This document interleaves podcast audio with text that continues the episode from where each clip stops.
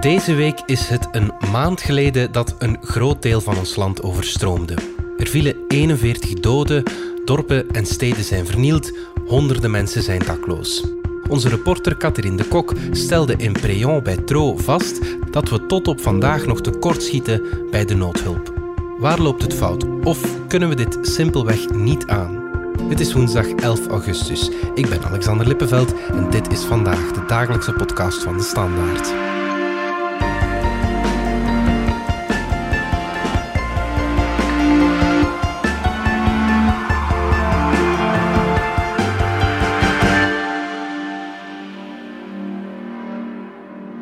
J'habite ici, dans, un peu plus loin. Et vous avez aussi beaucoup de... J'ai j'ai plus rien. En bas, j'ai plus rien. J'attends, j'attends les devis. Dit is Vincent Collard.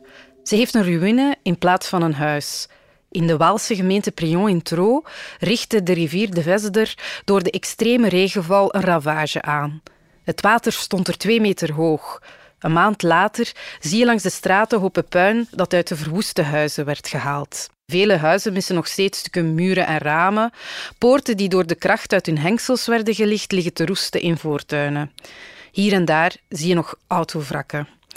Talloze bewoners van Préon zitten nog altijd zonder elektriciteit en verwarming, laat staan dat ze dus tijd en middelen hebben om te koken.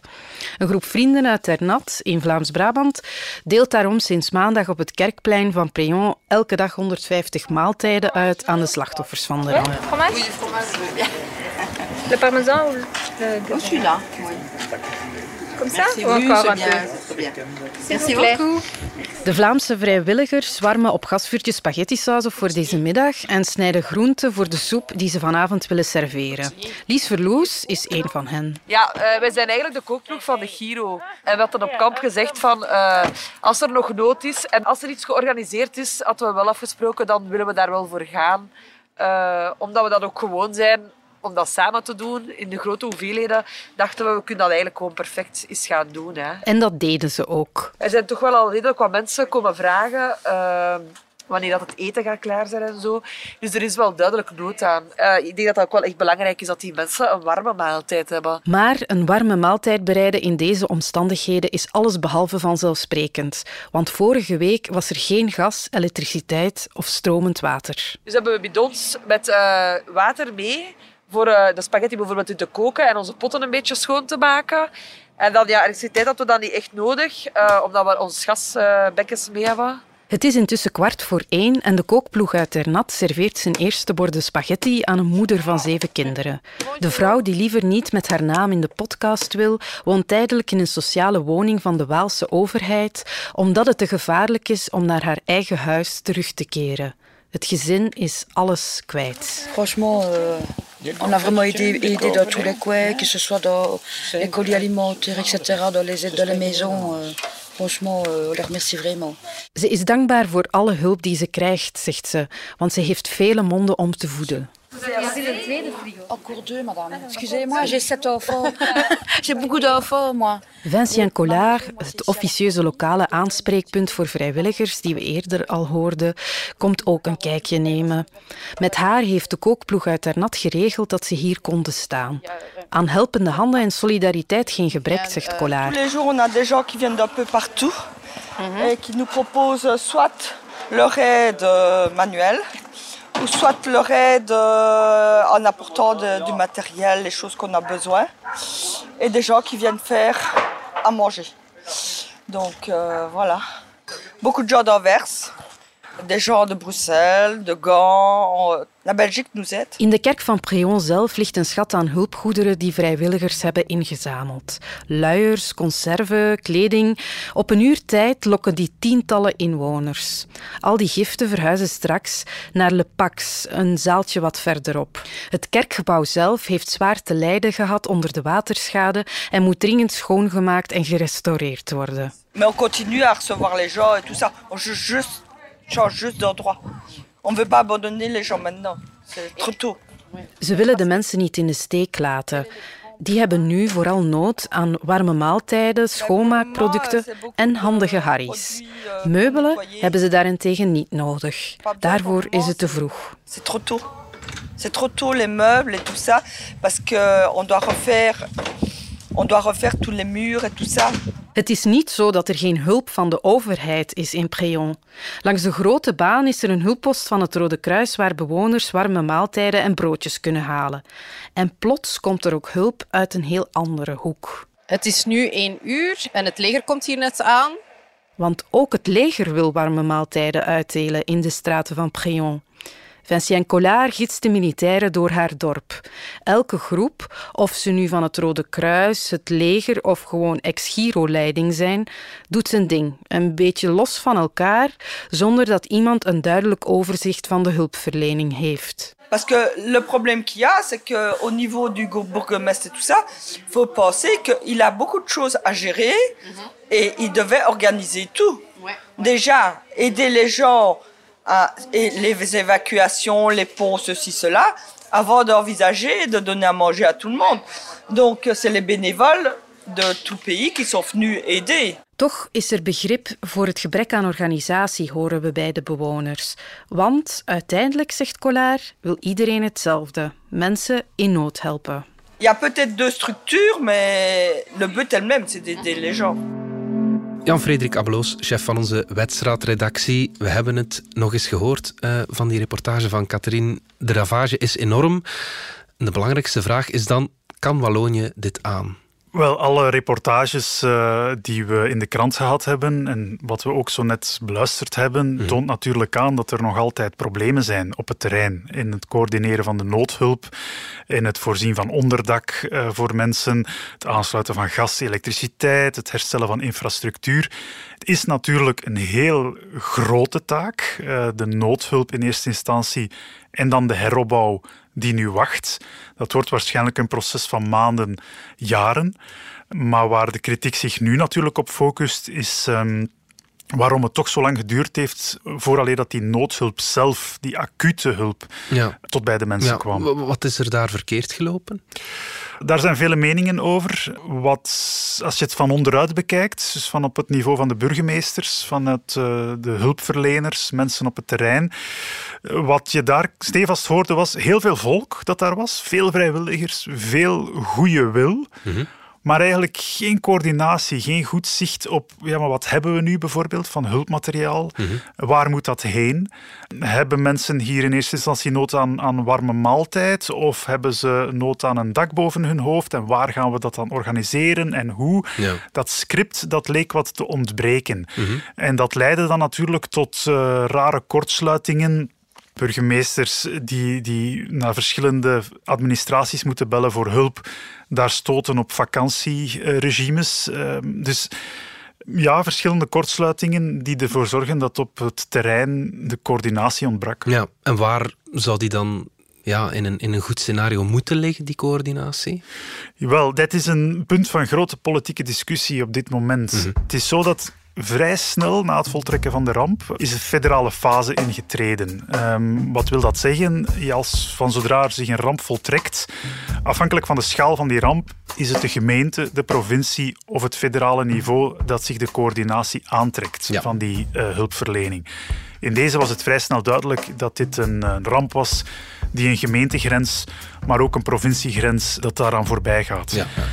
En van zodra die federale fase ingeroepen wordt, is het duidelijk dat vanuit het kabinet van minister van Binnenlandse Zaken, Annelies Verlinden, een en ander gecoördineerd wordt tussen brandweer, civiele bescherming, de betrokken gouverneurs, de betrokken burgemeesters. Mm -hmm.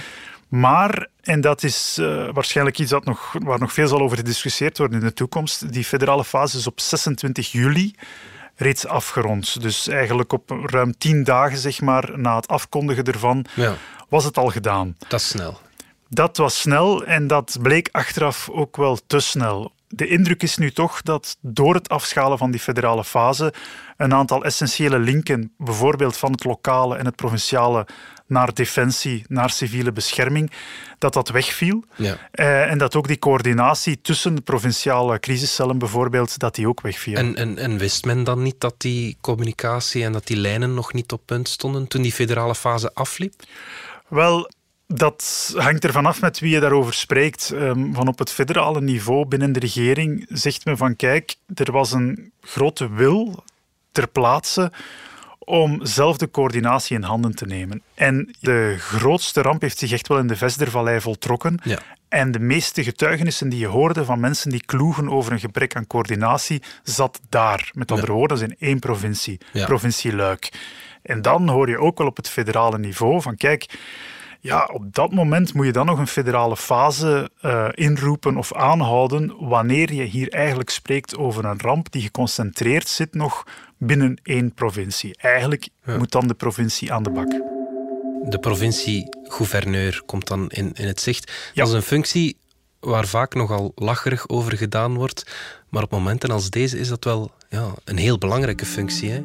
Ja, dat wisten we eigenlijk al sinds de coronacrisis. Ehm, dan zijn de eh, provinciegouverneurs ook heel belangrijk geweest in het eh, handhaven bijvoorbeeld van de coronamaatregelen.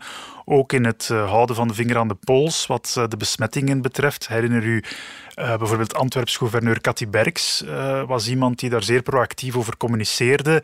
Ook wel eh, ja, streng in de leer wat betreft het handhaven van de maatregelen. Maar natuurlijk ook bijvoorbeeld haar West-Vlaamse collega Karel de Kaluwe. Maar die toonde zich toen als goede bestuurders, zeg maar. Dat is nu niet het geval hè, met eh, Hervé Jamard, de gouverneur van Luik. Wel, eh, bij meneer Jamar is inderdaad die kritiek dat hij zich toch wel wat miskeken heeft op zijn eigen slagkracht om, het, eh, om deze crisis te managen, om die negen gemeentes, want daar gaat het uiteindelijk over. Het zijn negen gemeentes die heel zwaar getroffen zijn, om die bij te staan met, met hulp, met raad, met daad. Ook daar is, er, is, er, ja, is het wel een beetje een, een perceptiestrijd ook, omdat Hervé Jamar is iemand die de schijn tegen had al. Het bredere publiek heeft hem leren kennen als minister van Begroting, kortstondig binnen de regering Michel. Ja. Maakte daar geen al te beste beurt. En op dat moment ja, is hij stilaan eh, ja, wat weggeduwd. Hij is vervangen geweest door Sophie Wilmes, eh, die dan uiteindelijk ja, premier wordt. En eh Hervé Jamar is gouverneur geworden. En dat is natuurlijk de typische, het typische manoeuvre van een politicus die gouverneur wordt. Niet noodzakelijk omwille van de capaciteiten, maar omwille van het feit dat men ja, iets zocht om Hervé Jamar in deze te geven. Om het nu ja, zeer eh, pejoratief uit te drukken. Niet abnormaal, denk ik dan, dat ze mensen die post geven om ze te bedanken. Als er ja, toch zoveel partijen roepen dat die provincies misschien toch maar afgeschaft zouden worden. Ja, welke politicus op het hoogtepunt van zijn carrière wil dat doen? Ja, wel, dat is heel terecht eh, wat je zegt. Normaal is het ook een functie die vooral eh, die vrij onzichtbaar is, of Ja. zeer onzichtbaar, eh, die het vooral het knippen van lintjes bij provinciale domeinen inhoudt. Dat, dat, dat wordt vaak gezegd. In de koffer van een gouverneur ligt een, een schaar en caoutchoukbotten. Exact, Ja. voilà. Ehm, en dat blijkt toch qua materieel net iets te weinig op Ja. het moment dat er zich een grote ramp voltrekt. En dat hebben we nu ook gezien. Het is ook zo in onze federale constructie, hebben de regio's daarin ook niet echt een rol te spelen. Zoals ik al zei, je hebt een gemeentelijke fase van het rampenplan. Je hebt een, een eh, provinciale en een federale. De regio's vallen daar een beetje tussen. Ja. Hoewel zij ook cruciale bevoegdheden hebben rond energie, huisvesting bijvoorbeeld.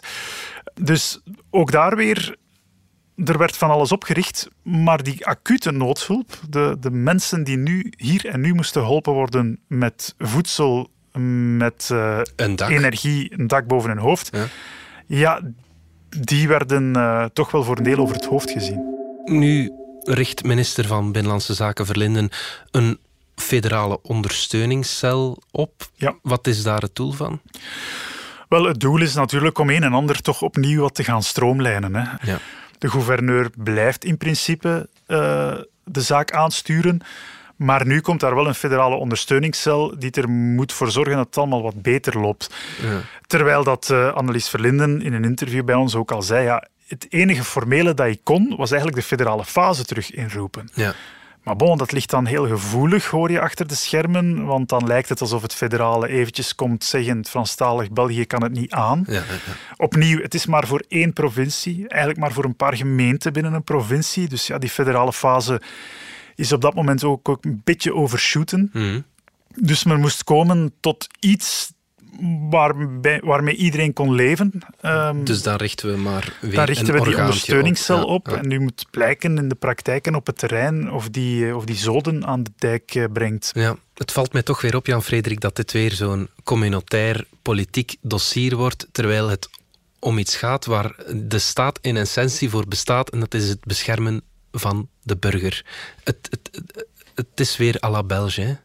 Ja, het is à la Belge ehm, en effectief, het is verzand in een communautaire hakketak, waarbij ook uh, er vaak voor de eigen taalgroep gecommuniceerd wordt. En ehm, dan zie je dat, ja, dat Franstalige politici eerder in de Franstalige media hun versie van de feiten slijten en Vlaamse politici dan in de Nederlandstalige media. Dus dat daar komt heel veel samen. Um, Belgische dysfuncties, de institutionele lasagne, veel niveaus die potentieel bevoegd zijn, waartussen het dan toch weer fout loopt. Ja. En iedereen die probeert zijn eigen communicatie te verzorgen uh, ja, voor zijn eigen eh, potentiële electoraat, zeg maar. Maar niemand in die Vesdervallei die daar iets mee opschiet natuurlijk. Dus ja. Ja, ja dat, is, uh, dat, dat hoorde ik ook bij een van die burgemeesters van uh, Olne, in dit geval Cédric Halin, uh, die op de na de oprichting van dat eh, federale ondersteuningscel ook zei, ja, wait and see of dit nu enig verschil gaat maken. Ja.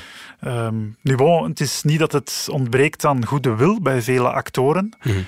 maar ergens is het stokje dat ieder heeft tekort. Ja zo lijkt het wel om veel verschil te maken. En die vele korte stokjes die worden dan om duur gebruikt om elkaar een beetje om de oren mee te meppen, eerder dan, uh, dan om nog ja, veel verschil te kunnen maken. Nog even terug naar Préon, waar Catherine deze week op pad ging. Vincent Collard, die als vrijwilligster elke dag slachtoffers bijstaat, is zelf ook slachtoffer van de overstromingen. Doordat haar huis onbewoonbaar is geworden, woont ze momenteel met haar man bij haar moeder. Je ne pense pas que je reviendrai cette année chez moi. Parce que, si vous voulez, je m'augmente la maison. Vous verrez par vous-même pourquoi. Ze neemt ons mee naar haar huis op 20 meter van de voedselbedeling die ze mee op poten zet. Oh, voilà, donc vous comprenez que je vais pas revenir maintenant chez moi. Regardez.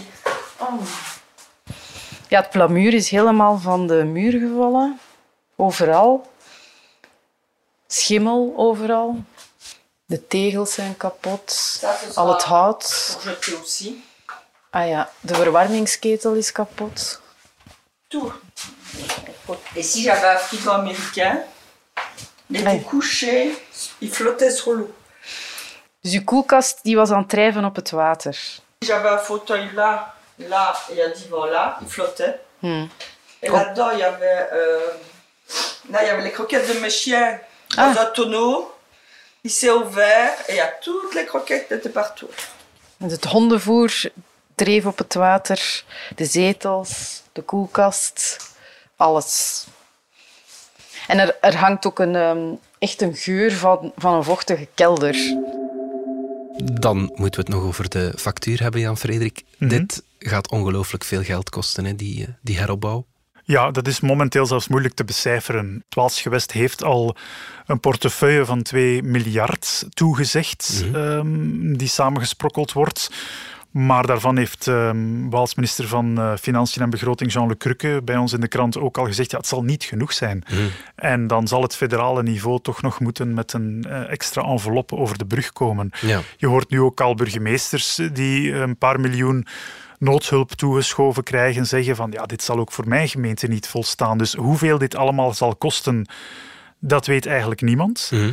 Maar dat het uh, zeer grote herstelinvesteringen zal vergen is duidelijk. En daardoor dreigt het ook voor een deel een aantal infrastructurele projecten te vertragen in Wallonië. Men zat net op het punt dat men wilde fors gaan investeren in het kader van die Green Deal en de, West, uh, de Europese herstelsteun. ja.